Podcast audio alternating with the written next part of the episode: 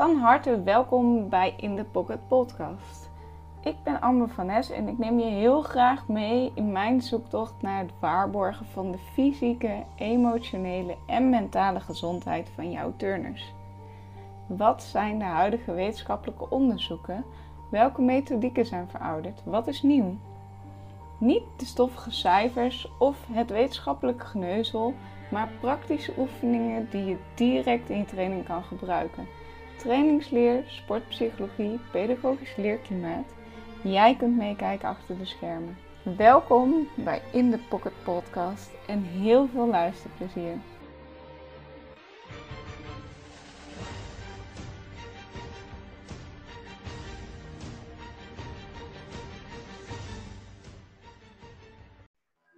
Hallo Nienke, welkom bij de In The Pocket Podcast. Um, ik kwam jou tegen op de Facebookgroep van de KGU, de crew, omdat je een vlog had opgenomen over videofeedback. Deze heb ik gekeken en ja, werd er helemaal blij van. Er moeten meer van dit soort initiatieven komen. Um, en daarna in jouw uh, filmpje merkte ik dat je ook bewegingswetenschappen hebt gedaan, net zoals ik. En dat we nog een aantal meer interesse, uh, nou ja, interesses delen, zoals turnen, sowieso. En PMT, psychomotorische therapie, wat ik ook wel heel interessant vind. Maar daar zullen we het later wel even over hebben. Um, en ik dacht, ja, je moet een podcast met jou uh, opnemen. Want wat is er nou leuker om te praten over turnen, bewegingswetenschappen en psychologie? Dus hier ben je. Kan jij jezelf even ja. voorstellen voor de luisteraars? Ja, ik ben dus Nieke Ekelenkamp. Ik ben 27 jaar oud. Um, nou ja, net zoals jou heb ik een hele grote passie voor de turnsport. Ben ik uh, op mijn derde levensjaar in uh, aanmerk, of kennis leren maken met de turnsport. Uh, peuter- en kleutergym, selectieturnen en op mijn zestiende ook trainster geworden. Wat ik nu nog steeds met heel veel passie doe. 15 uur in de week en dat is ook iets wat ik ja, altijd zal blijven doen. Um, en ik ben daarnaast opgeleid als psychomotorisch therapeut en bewegingsagoog. En omdat ik nog super veel ambitie had om ja, daarnaast door te gaan en toch ook ja, dat ik wilde proberen de turnsport te combineren met mijn werk, ben ik nog de opleiding bewegingswetenschap gaan doen. Eerst de pre-master en daarna de master. En ik heb de master high performance coaching gedaan. Uh, super interessant. Dus dat is een beetje mijn achtergrond. Ja, ja superleuk. Maar uh, ja, ik hoor je zeggen, ik heb de Master High Performance Coaching gedaan. Het is meer een specialisatie, toch? Ja, ja, klopt. Je hebt dus volgens mij vier verschillende masters momenteel. En ik geloof toen jij het hebt gedaan, uh, waren er nog drie. Ja. Uh, op een gegeven moment, ik denk dat ik het eerste leerjaar was dat de Master High Performance Coaching daarbij is gekomen. en daar werd ik echt super enthousiast van. Dus nou, ik hoefde ook niet over na te denken welke richting ik wilde gaan doen. Dat was wel direct duidelijk. En wat is dan, want ik heb de sportpsychologie gedaan, wat was dan heel erg het verschil tussen high performance coaching en sportpsychologie?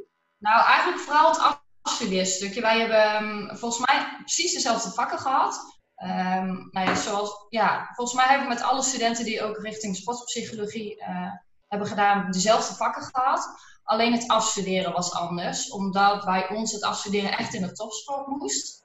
Um, en um, eigenlijk moesten wij ook echt iets bijdragen aan de praktijk. Dus um, op vraag van de coach moesten wij een onderzoek doen waar de coach dan ook echt wat mee kon en echt wat, um, ja, dat hij onze informatie en onze resultaten ook echt kon gebruiken uh, in de praktijk. En dat neemt dus weg dat je eigenlijk echt heel erg wetenschappelijk onderzoek kunt doen. Want uh, wetenschappelijk onderzoek gaat over een een, uh, ja, een groep van heel veel sporters of een groep van heel veel mensen. Ja. In ieder geval een hele N, zoals we dat uh, in de wetenschap noemen. Uh, nou ja, in de topsport is dat natuurlijk eigenlijk helemaal niet mogelijk. Want nou ja, zeker binnen turnen, als je kijkt naar topsportclubs, die, die hebben maar tien turnsters of turners. Dus, dus daar moet je het dan mee doen, om het zo maar te zeggen. Dus het was heel erg praktijkgericht in plaats van echt het wetenschappelijke onderzoek zoals sommigen dat kennen. En dat is denk ik wel het grote geweest. Tenminste, ik weet niet hoe jouw afstudeeronderzoek eruit zag, maar um, ja, ik denk dat dat wel het grootste verschil is geweest met uh, de andere masters, die misschien ja, het onderzoek net op een andere manier hebben in moeten richten. Ja. ja, om eerlijk te zijn ben ik ook wel redelijk praktijkgericht bezig geweest. Omdat binnen de sportpsychologie heb je een beetje hetzelfde En ik, uh, ik heb al onderzoek gedaan naar het preventieprogramma voor eetstoornissen binnen turnen. En ja, daar vind je ook niet heel veel. Ja, het is een preventieprogramma, je vindt wel heel veel turners, maar niet heel veel verenigingen die bereid zijn om daarin mee te doen. Dus zodoende ja, is dat ook relatief op kleine schaal gedaan. En we hebben het echt een workshop moeten geven en helemaal het beleid uit moeten zetten. Dus dat was ook wel redelijk praktisch. Wat het wel heel leuk gemaakt.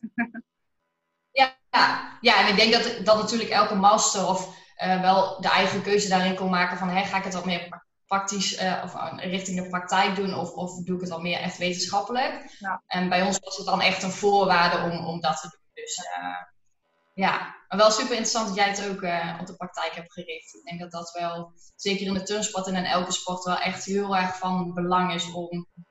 Ja, tenminste dat vond ik ook voor mezelf. Ik wil gewoon echt iets bij kunnen dragen in plaats van dat je een mooi onderzoek neerlegt. Um, ja. Wat ze door lezen, maar eigenlijk ja, niet zoveel aan hebben. Ja. ja, wat ik ook wel leuk vind is, uh, mijn afstudeeronderzoek uh, hebben nog meer studenten uh, onderzoek, onderzoek gedaan. Maar dat is nu echt een product, dat kan ik echt gaan verkopen. En ik ben nou echt ook coach in de preventie voor eetstoornissen. Maar oh. jij hebt het ook. Want bij jou, sorry, bij jou is jouw product dus nu ook echt uitgekomen. Wil je daar iets meer over vertellen? Wat heb je gedaan als onderzoek en wat is het nu? Ja, nou ja, ik ben dus eigenlijk zelf op de coach afgestapt met de vraag van, hè, als het gaat om onderzoek of als het gaat om missen van informatie, wat zou je graag willen weten? Um, en hij vond het stukje groei uh, binnen het turnen wel heel erg interessant, omdat, um, ja, ja, je hebt daar binnen turnen toch wel heel erg mee te maken met, um, je moet fit zijn, je moet uh, ja, je, lichaam op een juiste manier kunnen ontwikkelen, ondanks dat je daar natuurlijk niet zoveel invloed op hebt, maar en uh, hij zegt, de turnsters die bij mij in de groei zijn, die, um, ja, er gebeurt natuurlijk heel veel met hun lichaam, wat ze soms ook wel beperkt in, um, in lenigheid, in kracht, in balans. Dus dat was eigenlijk zijn vraag aan mij van, kun jij dat eens onderzoeken? En een vraag daarbij was ook om de trainingsintensiteit te onderzoeken en om te kijken of daar nog een samenhang tussen zat. Ja. Dus wat ik heb gedaan is de peak high velocity meten, wat eigenlijk de groeispurt in kaart brengt. Um, nou, dan moet je lengte opmeten, je moet gewicht opmeten en nog een aantal andere dingetjes. Je moet de leeftijd weten en het geboorte, uh, de geboortedatum moet je daarin meenemen. Dat is dan een hele formule. Um, en eigenlijk is het het fijnst als je peak high velocity een aantal jaar zou kunnen meten. Um, dan, is het, dan zijn de resultaten eigenlijk het meest betrouwbaar. Maar goed, bij een afstudeeronderzoek kan dat natuurlijk niet echt. Ehm, dus ik heb uh, vier maanden gemeten en op die manier heb ik dus de hele groeispurt zoveel mogelijk in kaart geprobeerd te brengen. Mm waardoor ik per turnste eigenlijk in kaart kon brengen, zit jij al in de groeispurt of uh, zit jij dat nog niet, maar wanneer uh, zit jij dan in de groeispurt? Is dat over een maand? Is dat over een half jaar? en zo heb ik dat voor elke turnster in kaart gebracht. Uh, daarnaast heb ik de literatuur erbij gepakt en heb ik in de literatuur gekeken van, ja, wat betekent dat nou eigenlijk als jij nu in de groeispurt zit, of als jij over een paar maanden in de groeispurt zit, of dat jij twee jaar geleden in de groeispurt hebt gezeten. Wat doet dat met je lenigheid? Wat doet dat met je balans? Um, wat doet dat met je vermogen, met je kracht? Um, en nou ja, ook dat heb ik dus allemaal ja, per turnster in kaart gebracht, waardoor ik eigenlijk een heel groot verslag kreeg uh, voor elke individuele turnster waar zij in een groei zaten en wat dat betekent. Um, vooral zodat de coach er ook rekening mee kon houden als een turnster dan op het moment dat zij in een groei zit een aantal keer vaker van de balk afvalt, dat het eigenlijk niet zozeer aan haar ligt of aan haar motivatie, maar meer om het feit dat haar lichaam verandert en dat het lichaam zwaartepunt daarmee ook verandert. Want hè, de onderkant groeit bijvoorbeeld wat sneller dan de bovenkant. En um, ja, daar daardoor verstoort je balans een beetje. Um, en dat moet je eigenlijk wel weten als coach, uh, waardoor je er rekening mee kunt houden en er niet op de turnstig af kunt schuiven, om het zo maar te zeggen. Maar nou ja, weet dat het aan de groei ligt. Um, en ik merkte dat de coach dat wel heel erg fijn vond om nou ja, dat te weten en, en, en daar uh, je trainingsschema op, op, aan te kunnen passen. Uh, ja. Daarnaast heb ik dus ook nog de trainingsintensiteit in kaart gebracht. Um, en ik moet zeggen dat daar niet zo super veel interessants uitkwam. Ehm, ja, want ik had wel bijvoorbeeld verwacht dat uh, ze de ene week of, of misschien in de middagtraining juist heel veel zwaarder zouden trainen dan de ochtendtraining. Of uh, bij wijze van voor een wedstrijd juist lichter zouden trainen of, of iets in die kant. Maar ik heb daar niet heel veel in kunnen vinden. En het zou ongetwijfeld wel zo zijn dat de ene training, dat de, de middagtraining misschien iets zwaarder zijn. Maar niet dat ze dat echt heel erg um, terug lieten komen in, in hoe ik trainingsintensiteit heb gemeten.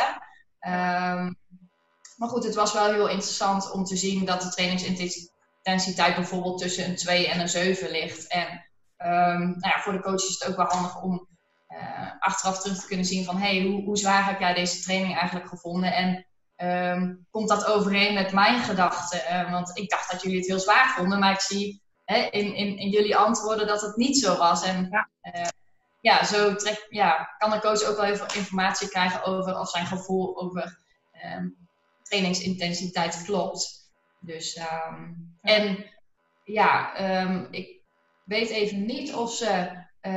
ze hebben aan het begin natuurlijk wel heel veel mee gedaan. En ik weet niet of de coach het nu nog heel erg bewust gebruikt. want ja, ja.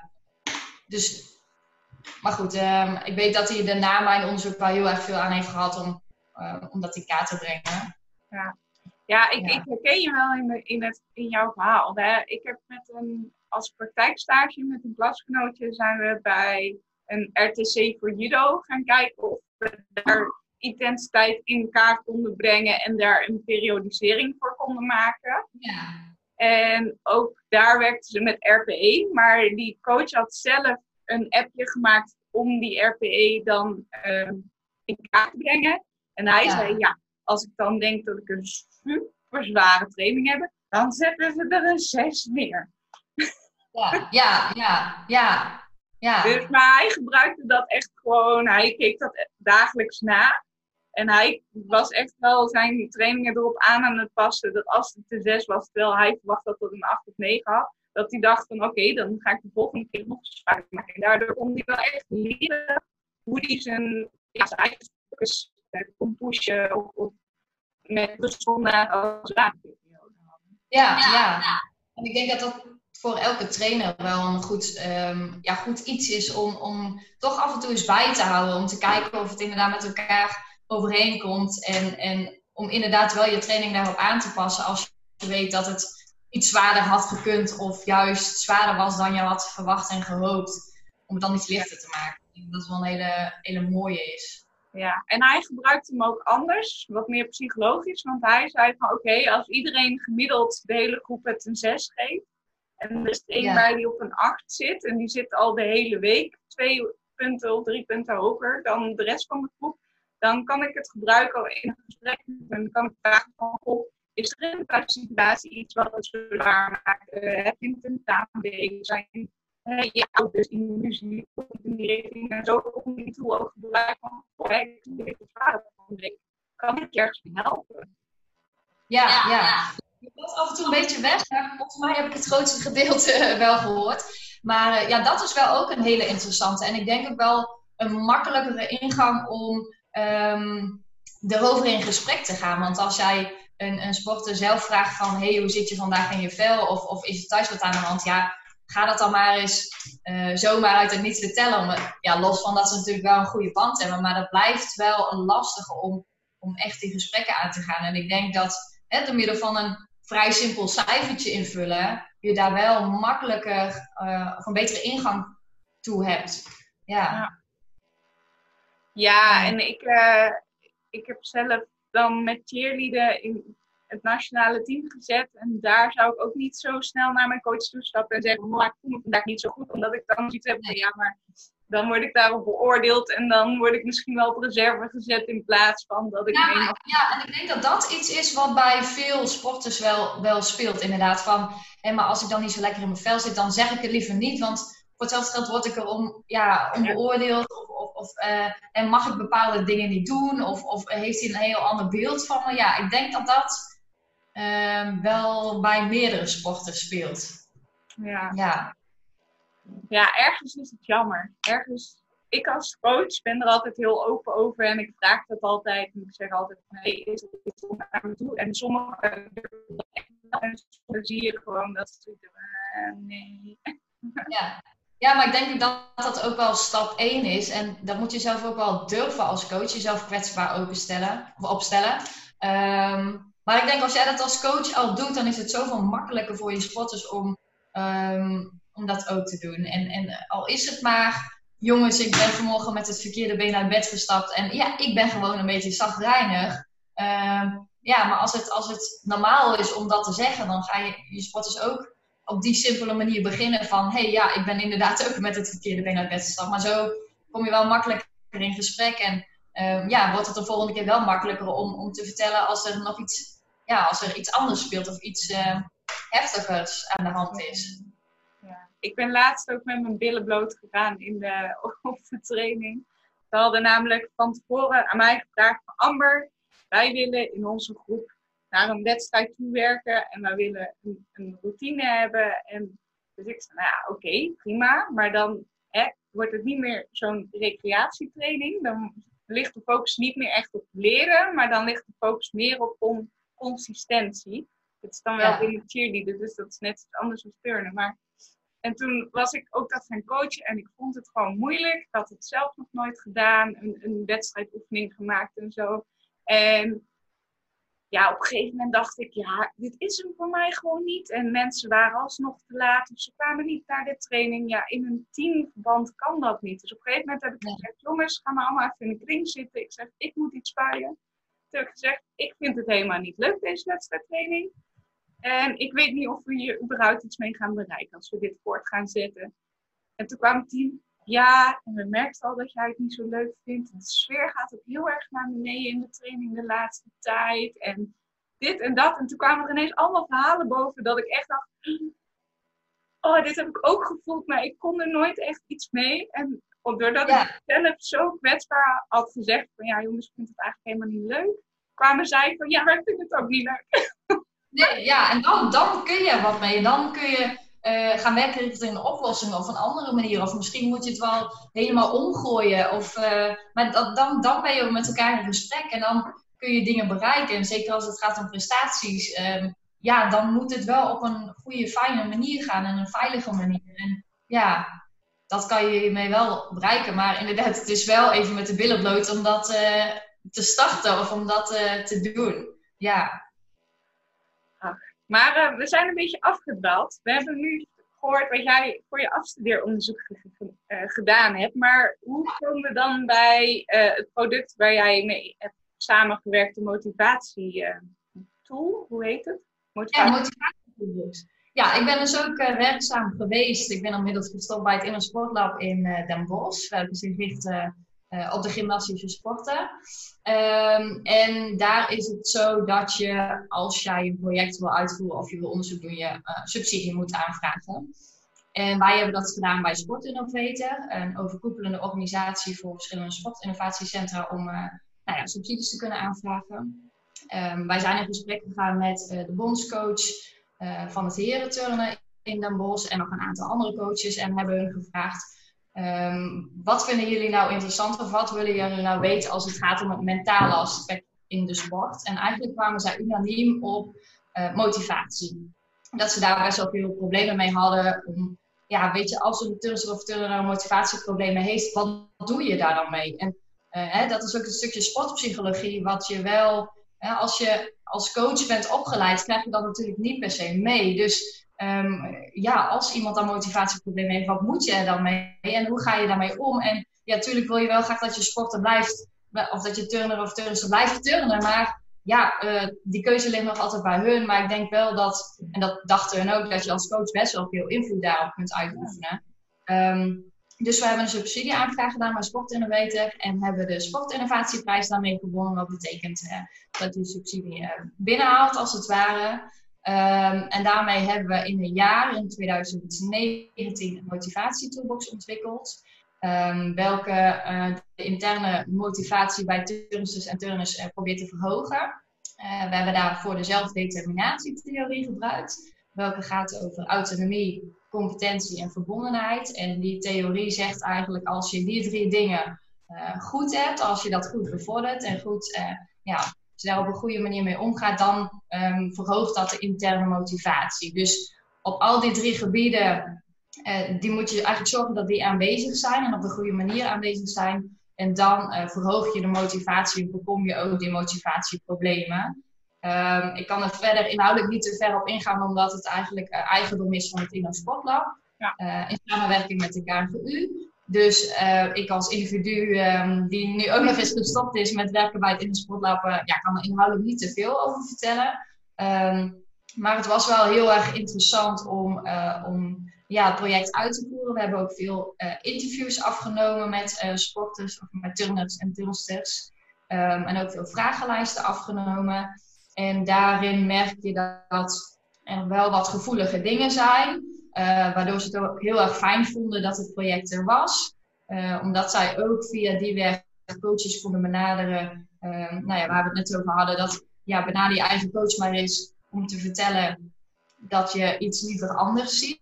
En via deze weg konden ze dat wel op een wat makkelijkere manier doen. Of in ieder geval ook meerdere coaches benaderen. Ja. En we hebben exporters gesproken die ook wel aangaven dat ze het fijn vonden dat er al best wel veel dingetjes um, veranderd zijn in de turnsport. Um, en ik denk dat daar dat het grootste ding is wat veranderd is, dat er ook wel meer openheid is. Dat er vroeger toch wel iets, ja, misschien hardere, hardere aanpak was. Dat er wat minder ruimte was voor jou als, als persoon. Ja. Um, en dat er wat minder gekeken werd naar alles eromheen, waar we net ook over hadden. Um, en dat er nu iets meer ruimte voor is. Je wordt gezien als. En niet dat het vroeger um, verkeerd was. Of, of, maar ik denk wel dat dat een, een redelijk grote verandering is. Dat, dat er wat verder wordt gekeken. Dat, um, ja, ik noem altijd bijvoorbeeld een holistische visie. Dat, dat er, uh, ja, er spelen zoveel dingen mee als het gaat om prestatie. En dat is niet alleen jouw, jouw, het dingetje wat jij doet in de turnzaal. Maar ook uh, ja, hoe gaat het thuis? Hoe, hoe gaat het met vrienden, vriendinnen? Hoe gaat het op school? Dat zijn allemaal dingen die van invloed kunnen zijn op de prestatie. Um, ja. Ja, als ik, denk... uh, ik luister, ik ben heel erg fan van Nick Ruddock en Dave Tiddy in Amerika. En die staan echt voor een culturele verandering binnen het turnen. En als ik jou zo hoor, dan zeg je van, nou ja, die culturele verandering is al ingezet. En die is nu langzaam zich aan het ontwikkelen en aan Ja, ja, zeker. En um, ik weet dat de KNGU er ook heel erg druk mee bezig is. En dat die daar ook uh, nou ja, heel veel in doen als het gaat om een uh, veilig uh, leerklimaat. Dus ik denk ja, dat de Tunsport daar echt wel heel veel mooie stappen in maakt. Um, ja, dat het alleen maar beter, beter kan worden. Ja. ja, dat ook wel meer mensen nu ook beseffen dat, dat er ja, wat meer komt kijken bij het leveren van een prestatie dan alleen de uren die je in de zaal bent. Ja. ja, ik vind dat heel mooi. Ik vind het ook zeker fijn dat er ja, dat die cultuurverandering gaande is. En dat er mensen, dat iedereen nu zijn schouders zet. En dat we dus altijd weer aan het pakken en beter aan het maken zijn. Ja, ja zeker weten. Ja. Um, even uh, helemaal terug. Um, ik kwam jou tegen via een vlog video feedback. Uh, ja. Dus zou jij eens willen vertellen wat biofeedback is en hoe jij dat gebruikt? Ja, ja, nou ja, het is wel leuk. Ik heb um, tijdens mijn studie stage gelopen bij het Inner Sportlab in Eindhoven. Um, en uh, zij, zijn, ja, zij richten zich al meer uh, op de zwemsport, maar nemen ook wel andere sporten mee in hun onderzoeken, projecten en ontwikkelingen. Um, en zij wilden eigenlijk voor het zwemmen uh, video aan gaan schaffen. Alleen in het zwemmen is dat natuurlijk hartstikke lastig, kun je je voorstellen, onder water. Um, en zij hebben een systeem ontwikkeld waarmee jij onder water jezelf terug kunt zien. En aan de hand, nou ja, dat je jezelf terug kunt zien, kun je jezelf ook eigenlijk feedback geven. Um, en binnen turnen vond ik dat ook wel, of nou ik had veel turnsters in de zaal die um, beelddenkers zijn. Je hebt dat ook op school bijvoorbeeld, kinderen die beelddenkers zijn en die eigenlijk een plaatje moeten zien om te kunnen leren. En ik merkte dat ik dat ook in de zaal had. Dat ik turnsters tips gaf. Um, maar omdat ze hun eigen lichaam niet zo goed konden voelen, konden ze niet. Ze snapten mijn tips wel, um, maar ze konden het eigenlijk niet zo goed toepassen. En, en um, nou ja, die, die turnsters dacht ik van, die moeten zichzelf terug kunnen zien. Of die moeten een, een filmpje van zichzelf kunnen zien. Om, uh, wat met die tips te kunnen doen, om te voelen. Of om wat meer bij zichzelf kunnen terugzien van ja, wat gebeurt er nou, wat doe ik dan niet zo goed of wat kan er dan beter, uh, om die tip ook te kunnen gaan gebruiken. Ehm, maar goed, het is best wel lastig om, um, nou ja, het klinkt simpel, het gebruik van, van het maken van video's en daar feedback uit krijgen. Um, en misschien is het ergens ook wel simpel om jezelf gewoon op te nemen met je mobiel, want iedereen heeft tegenwoordig een mobiel in de zaal. maar goed, op een gegeven moment kreeg ik, ik wel dat ik Um, ja, en dat herkennen vast en zeker ook andere uh, trainers, dat je gewoon heel erg veel filmpjes op je mobiel hebt staan. Uh, dat als je ouders uh, een filmpje wilt sturen, dat je dus heel je, je mediabox door aan scrollen bent om het juiste filmpje te kunnen sturen. Um, en daarnaast was het ook nog van de vraag in de zaal, um, ja, hoe vaak ga ik dan filmen? Laat ik het kind zichzelf filmen? Geef ik mijn mobiel over? Of ga ik dat zelf doen? Um, en maak ik dan alleen een filmpje van het goede beurtje? Maak ik dan een filmpje van het beurtje dat juist niet zo goed ging, zodat ze zichzelf terug kunnen zien? Maar ja, goed, dan wil je ook de verbeteringen wel kunnen filmen, zodat ze zichzelf ook kunnen zien als ze de tip toe gaan passen.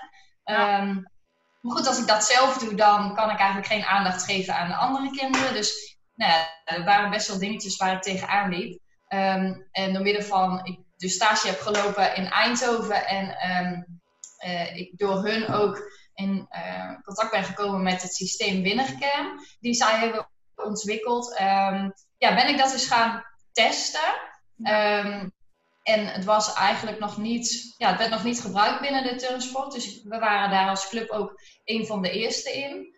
Um, maar de dingetjes welke ik net benoemde, uh, over hè, heel veel uh, video's in je media bestaan en het doorsturen, dat daar had ik allemaal niet meer mee te maken met die app. Omdat iedereen een eigen database heeft waar de filmpjes in terechtkomen. Um, dus in de app, uh, daar hoort een bandje bij. En uh, elke turnster kreeg dan een, een, een, eigen bandje. En door middel van dat bandje konden ze zichzelf gaan inchecken um, nou ja, op mijn mobiel. Want dan had ik het systeem dan, is, is een app. En dan had ik de app gedaan. En dan konden hun met het bandje inchecken. En dan wist die app van, oh ja... Um, Piet die, uh, ja, die heeft zichzelf ingecheckt en die wil zo gaan filmen. En dan hoefde ze in die training maar één keer zichzelf in te checken met het bandje. Het bandje kon, kon je opzij leggen, anders had je eigenlijk niet meer nodig. Want het systeem weet dat jij uh, nou ja, bent ingecheckt en dat jij jezelf wil gaan filmen. Um, en op die manier uh, nou kon ik heel veel filmpjes maken. Um, en al die filmpjes kwamen dus in de individuele database van die turner en turnster. De turnster en turnster moest, uh, moet zelf toestemming geven over wie in die database kan. Dus uh, nou ja, meestal bij jonge turnsters en turnsters uh, beheren de ouders de, de databases. De ouders konden automatisch die filmpjes al terugkijken. Die konden precies zien wat de training was gedaan, dat ze iets nieuws hadden gedaan. Of nou ja, de turnster kon ook zelf thuis haar filmpjes terugkijken om nou ja, toch nog even te kijken van, oh, waar kan ik mezelf nog in verbeteren? Uh, in alle rust die je in de zaal vaak niet hebt. Um, en wat nog meer uh, heel erg positief is aan die app, is dat je heel veel analyse mogelijkheden hebt. Uh, je kunt lijntjes trekken, je kunt hoeken tekenen met graden. Um, als je het hebt over opzwaaien, hè, boven horizontaal. wat is met de schouderhoek? En, um, en wat ik nu momenteel heel veel gebruik in deze coronatijd, is het geven van mondelinge feedback via de app.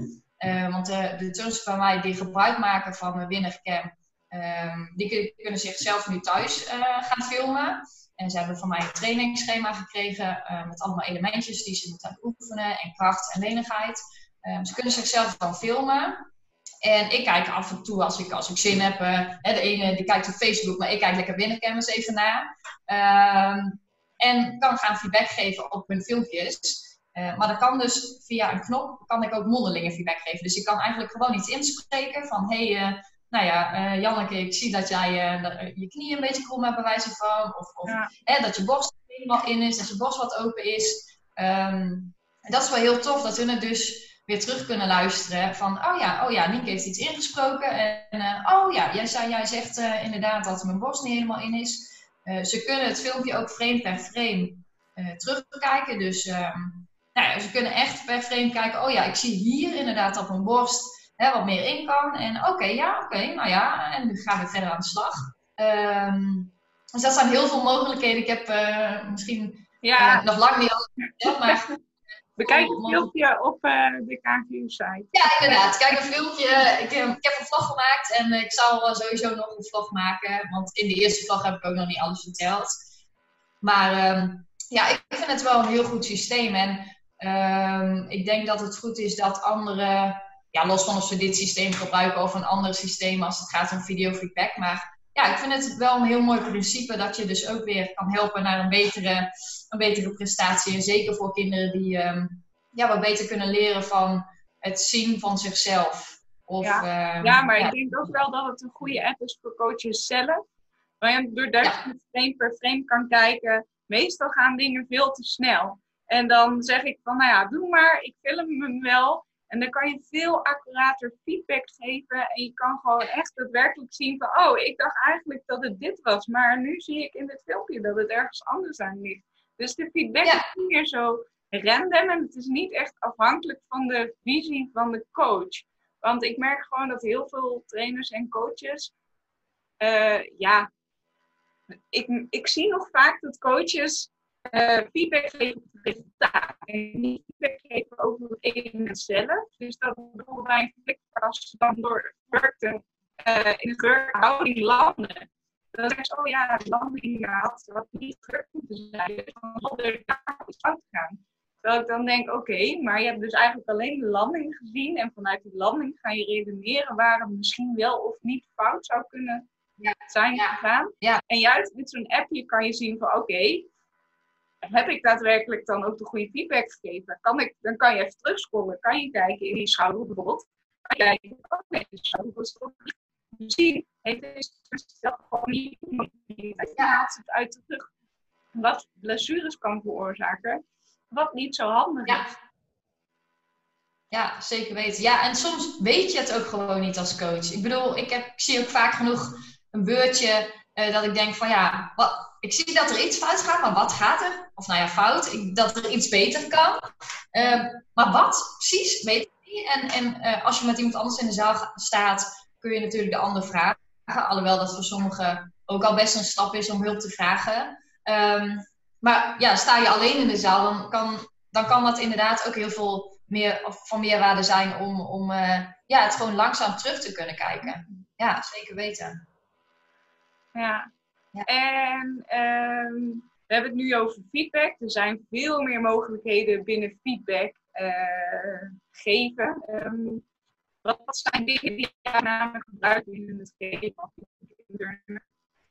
Um, ik vind het wel een leuke vraag, want eigenlijk doe ik best wel heel veel onbewust. Um, dus als je vraagt naar welke concepten gebruik je of, of uh, hè, welke theorieën, uh, dan moet ik daar altijd wel even goed over nadenken. Um, en dat vind ik, daarom vind ik het ook wel fijn om uh, hier eens over te spreken en eens om over te sparren. Um, want wat doe je nou eigenlijk? Even stilstaan bij hoe geef ik nou training en bewust eens terugkijken en reflecteren vind ik wel echt een goede. Um, dus ik denk dat al, dat al, als het gaat om feedback, dat dat al iets is, hè?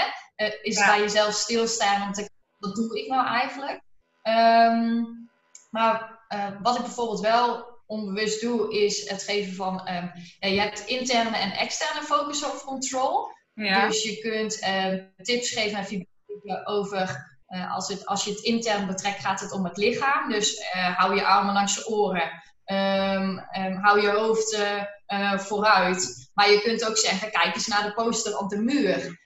in plaats van, doe je kin omhoog. Want eigenlijk bereik je daarmee hetzelfde. Alleen de focus van jouw feedback leg je op het externe of iets in de omgeving in plaats van op het lichaam. En er zijn dus veel onderzoeken geweest die aangeven dat externe focus op controle in sommige situaties veel beter werkt uh, dan interne focus op controle. Dus uh, onbewust probeer ik dat wel te doen in het geven van mijn feedback. Dus niet altijd dezelfde tips geven die gericht zijn op het lichaam. Want sommige kinderen kunnen daar gewoon niet altijd, ja, die kunnen daar niks mee uh, in sommige gevallen. Dus af en toe is af te wisselen met het geven van ja, die feedback gericht op externe focus op controle. Um, ja, merk ik dat dat voor mijn cursus wel heel erg helpt. Um, ja, en het is voor jezelf ook wel. Oh, zeg maar. Nee, ik zeg ook bij jongere turnstukjes. Want heel vaak hebben ze moeite met bijvoorbeeld het spannen van die armen. En een collega van mij, die kwam een keer bij mij in de zaal en die zei: Ja, ja, maar wat ik altijd doe, is ik laat ze de, de muur naar buiten drukken met, aan twee kanten. En doordat ze dan echt moeten drukken, dus dan moeten ze automatisch al die spieren aanspannen. Nou, dat werkt ja. anderen. Ja, inderdaad. Ik bedoel, en ja, zeg maar eens tegen een jong kind, uh, span je spieren is aan. Ik bedoel, zeker als ze echt heel erg jong zijn, die, die weten eigenlijk niet, niet, eens wat spannen is of hoe het moet. En als je dat inderdaad op een andere manier probeert te bewerkstelligen, dan um, ja, kom je vaak veel sneller. Ja. ja. Dus dat is uh, in ieder geval iets wat ik wel uh, veel gebruik. Um, wat ik verder ook onbewust wel veel gebruik, is het fenomeen growth en fixed mindset. Ja. Uh, ik heb vaak turnsters die tegen me zeggen, ja maar Nieke, ik kan dit niet. En ja, dat is dan hun boodschap, ik kan het niet. En, en zij hebben dan echt die fixed mindset van, ja oké, ik kan het niet, punt. Uh, ja, dat is jammer, dus ik kan beter iets anders gaan doen. Ja. Uh, en met een growth mindset laat je ze dus eigenlijk weten van, hé, hey, jij kan het nog niet.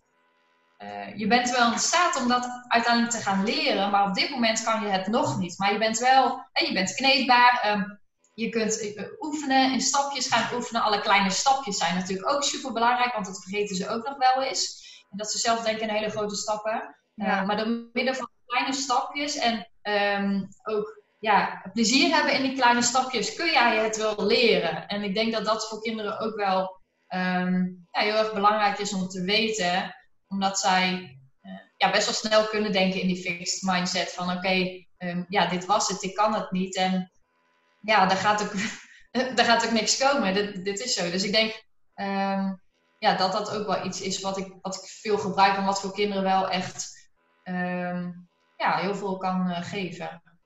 Ja, ja, ja. Ja, en ik merk het met wedstrijden wel heel vaak. Dat dat turnsters dan naar je toe komen zo van... Ja, ik kan niet helemaal zo goed als ik willen. Uitlaten? En dan zit het zo in, ik wil alleen maar laten zien dat ik echt kan. En alles wat ik misschien wil niet kunnen Wat dat misschien maar hè, zou kunnen. Om dat er dan uit te laten. Ja. Dan denk ik, kom op, daag jezelf een beetje uit. Probeer hier inderdaad in te groeien. En ja, ja ga niet alleen maar ja, en... voor het willen winnen. Ja, soms hebben ze ook het stukje vertrouwen van jou als coach nodig die dat wel in kan zien. Dat ze het wel kunnen of gaan kunnen.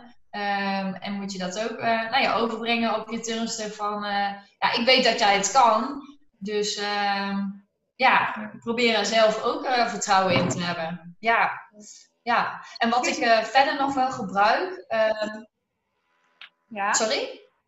Oh, ik zei misschien is oh. onder in de notes uh, het filmpje, het YouTube-filmpje van Karel Dweck over Fixed and Growth Mindset te pakken. Ja, oh ja, dat is wel, ja, die kunnen we wel, uh, kunnen we een beschrijving toevoegen. Ja, ik, uh, ik snap beschrijving niet zo. Ik plak hem wel in het filmpje. Oh ja, dat, ja, dat is ook allemaal. Ja, dat is wel heel interessant om die, om die eens te kijken. Ja. Nee, ja, wat ik verder nog gebruik, is misschien niet echt een concept of zo. Uh, maar ik doe dus wel eens ontspanningsoefeningen met de turnsters. Uh, mm -hmm. um, en misschien sommigen best wel een beetje gek en sommigen zullen denken, oh ja, nou ja, dat doe ik ook. Maar, um, en dan probeer ik niet de, de meest zweverige ontspanningsoefeningen te pakken. Maar ik heb bijvoorbeeld tijdens mijn opleiding PMT uh, Jacobson uh, leren kennen.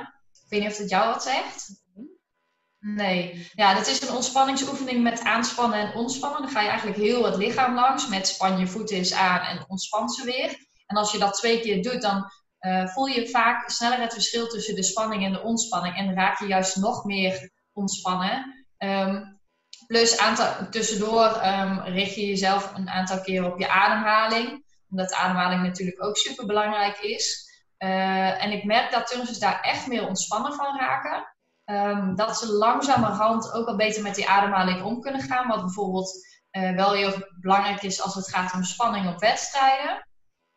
En uh, ik doe ook wel eens als ze dan in zo'n ontspannen sfeer zijn, of hun ogen nog dicht hebben, dat ik, is, um, dat ik aan ze vraag uh, welke doelen ze bijvoorbeeld hebben. Of als ze iets spannends vinden, dat ze moeten inbeelden dat ze dat doen en dat het heel erg goed gaat. En Um, ik vroeg me aan het begin nog wel eens af, gaat het voor jongere turnsters ook helpen? Want ik geef voornamelijk training aan jongere turnsters. Mm maar bij, ja, op de ene manier merk ik wel dat het helpt als ze zichzelf, hè, als ze dingen kunnen inbeelden, wat, wat, ze, wat ze ook echt wel lukt. Maar dat ze daarna ook een stukje spanning verliezen. En het element waar ze tegenop kijken, of het element wat hun doel is, toch op de een of andere manier met een ander gevoel ingaan.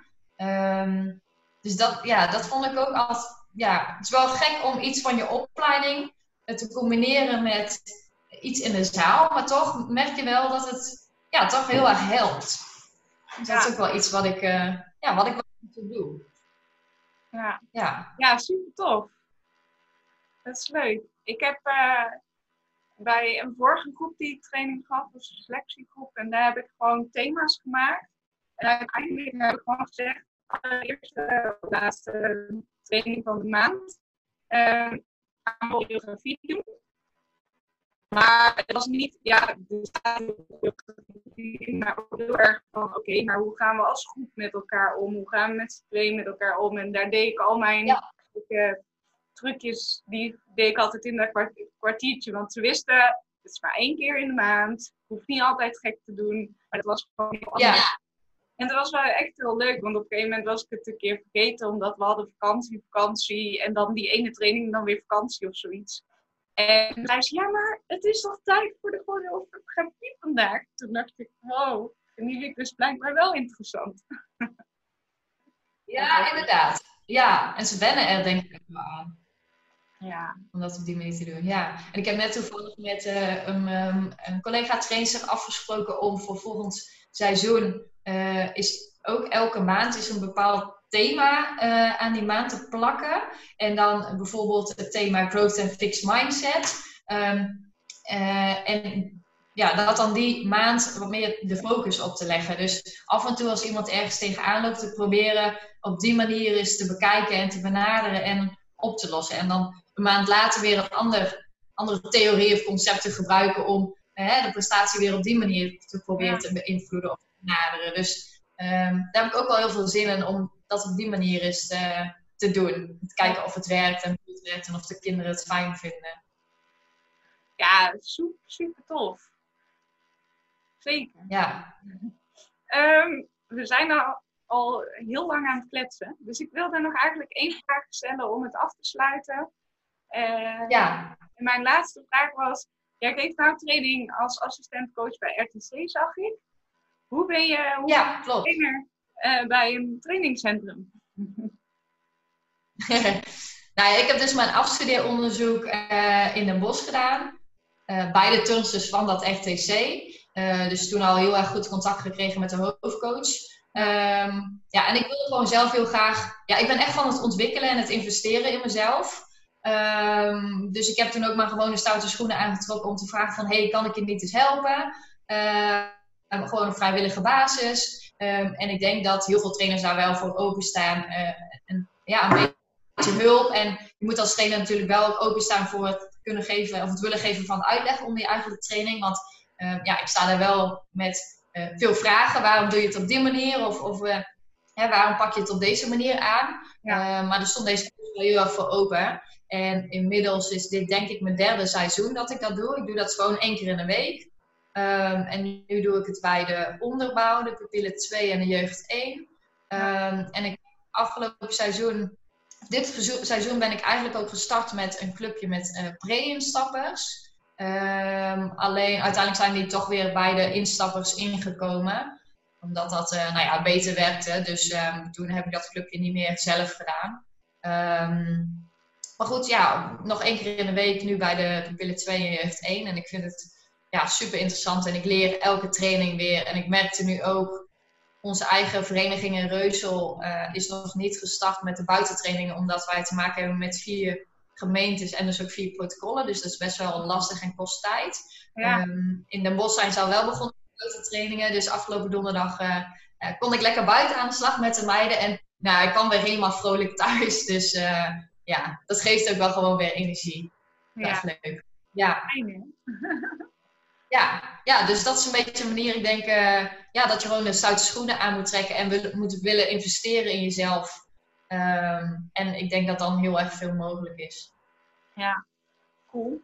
Ehm, oké. Ehm, als mensen in contact met jou willen komen, ehm, hoe kunnen ze dat het beste doen?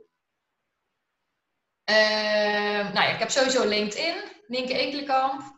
Uh, kun je me op vinden en uh, kun je me berichtjes sturen. Uh, ja, ik heb ook Facebook, Instagram, dus met social media kan het sowieso. Mijn mailadres is ninke.ekelenkamp.gmail.com ben ik ook altijd bereikbaar op. Ehm, en ik vind het altijd wel fijn als iemand contact met me zoekt om het even via de mail te doen in plaats van telefonisch. Uh, want ik ben zo iemand die altijd zijn mobiel opneemt. Uh, ook al ben ik voor, uh, ook al ben ik op, op, vakantie. Dus ik moet mezelf daarin behoeden. Daarom vind ik het altijd wel fijn als iemand ja, via de mail of iets dergelijks contact opneemt. Dat ik zelf kan kiezen wanneer ik dat beantwoord. Ja. Dus ja, dat zijn denk ik wel een beetje de wegen waarop je contact met mij kunt zoeken. Ja, en je hebt een eigen bedrijf. Uh, waar kunnen we die? Ja. Uh, nou, ik heb geen website of iets dergelijks. Ik ben uh, ZZP'er geworden om te kunnen werken bij het in een sportlab. en ik doe als ZZP'er wel een paar kleine projectjes. maar ik heb voor de rest geen website of iets dergelijks. Omdat ik niet echt in mijn bloed heb zitten om, ehm, ja, om echt zelf aan de slag te gaan. Het was meer praktisch, wat makkelijker. maar ik heet Ekelenkamp Movement Analyzing. Um, dus uh, ja, ik heb een Kamer van Koophandel, een nummer en dergelijke. Dus daar zou je me ook op kunnen vinden. Maar geen uh, website of uh, iets in het geval. Nee. Nee. Oké, okay, tof. Um, Nienke, dankjewel voor je tijd. Dankjewel voor deze hele nuttige informatie. Ik vond het echt een onwijs gaaf gesprek. En tot de volgende keer. Nice. Jij ook super ja, jij ook bedankt. Want ik vond het wel echt fijn en nuttig ook voor mezelf. Om eens stil te staan en eens lekker over deze onderwerpen uh, te hebben. Dus uh, ja, daarvoor dank. Oké, okay, fijne middag. Dag. Fijne middag. Dankjewel voor het luisteren naar In The Pocket podcast. Vond je dit een toffe aflevering? Laat dan een 5 sterren rating voor mij achter op jouw podcastplatform. Dit kan op iTunes, SoundCloud, Spotify of via welk platform je deze podcast ook maar luistert. Dat zou ik echt te gek vinden en het helpt mij ook om betere sprekers aan het woord te krijgen. Je kan mij dus helpen door een 5 sterren rating achter te laten of een positief bericht. Vond je wat we zojuist besproken hebben in de podcast super interessant? Dan kan je ook de podcast delen. Dat kan je bijvoorbeeld doen door op Instagram een screenshot te maken en mij daarin te taggen. Als je meer wilt weten over wat ik doe bij trainersopleiding in de pocket, kijk dan zeker even op mijn website www.trainersopleidingindepocket.nl. Daarin geef ik je exact de stappen die nodig zijn voor een fysieke, emotionele en mentale gezondheid van je turnsters. Dit was het voor deze podcast. Ik hoop dat je genoten hebt van deze aflevering en tot de volgende keer.